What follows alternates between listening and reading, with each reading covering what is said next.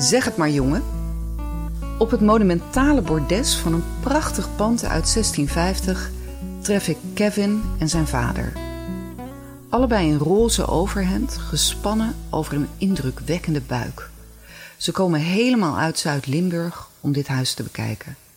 Die toelichting is overbodig, want dat had ik aan die fluwelen G en de muzikale intonatie al lang gehoord. Kevin is jong, hooguit 22, maar toch blijkt hij het meewerkend voorwerp van dit verhaal. Hij zoekt een huis voor zichzelf en zijn zwangere vriendin. Ik neem het voor kennisgeving aan en leid ze als een soort floortje dessing door het pand. Langs antieke schouwen met delsblauw tegelwerk over een wentelende eikenhouten trap uit een voormalig kerkje tot aan het dakterras op de vijfde verdieping met uitzicht op de Westerkerk en Atlas die de wereld op zijn schouders draagt op het Koninklijk Paleis. Net wanneer ik vader en zoon wil vertellen dat dit terras met vergunning is gebouwd, zegt pa tegen Kevin: Nou jongen, zeg het maar tegen die mevrouw.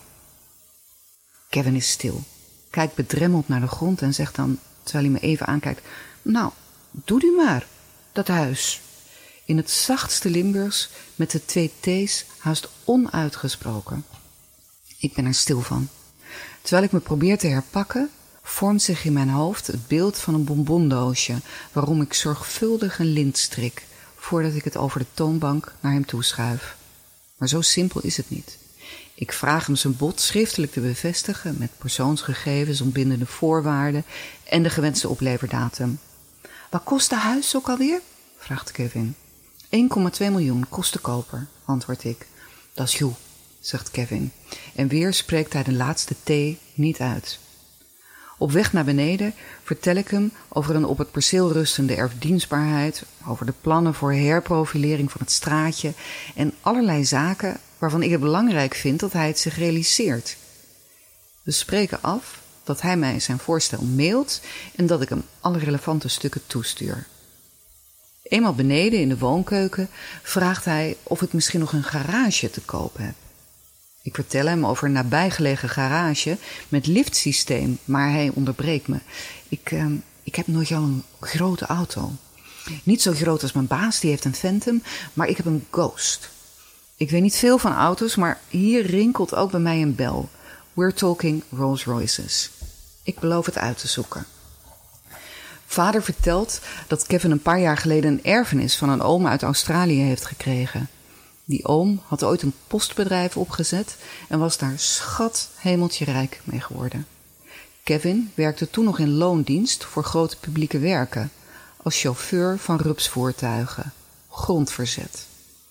Inmiddels heeft hij zich ingekocht in een nieuwe BV van zijn werkgever. In zijn werk is niets veranderd. Hij verzet nog steeds bergen zand, maar in zijn financiële situatie wel. Hij is binnen. Weer terug op kantoor bel ik mijn opdrachtgever met dit wonderlijke verhaal. We besluiten het bod te accepteren, maar houden in ons achterhoofd enige reserve. Dit is te mooi om waar te zijn. Wat onderzoek naar de koper leert me dat er inderdaad ooit een postmagnaat is geweest in Australië met dezelfde achternaam en dat de CEO van Slans grootste grondverzetter in een Phantom rijdt. Vol goede moed tekenen wij dus het koopcontract bij de notaris. Kevin komt met de trein en zit met rode konen aan tafel. Hij heeft zweethanden wanneer hij onze felicitaties in ontvangst neemt. Op de laatste dag van de wettelijke drie dagen bedenktijd ontvang ik een e-mail van Kevin. Het spijt me, ik zie er toch vanaf. Wat er van deze transactie overblijft, is een mooi verhaal.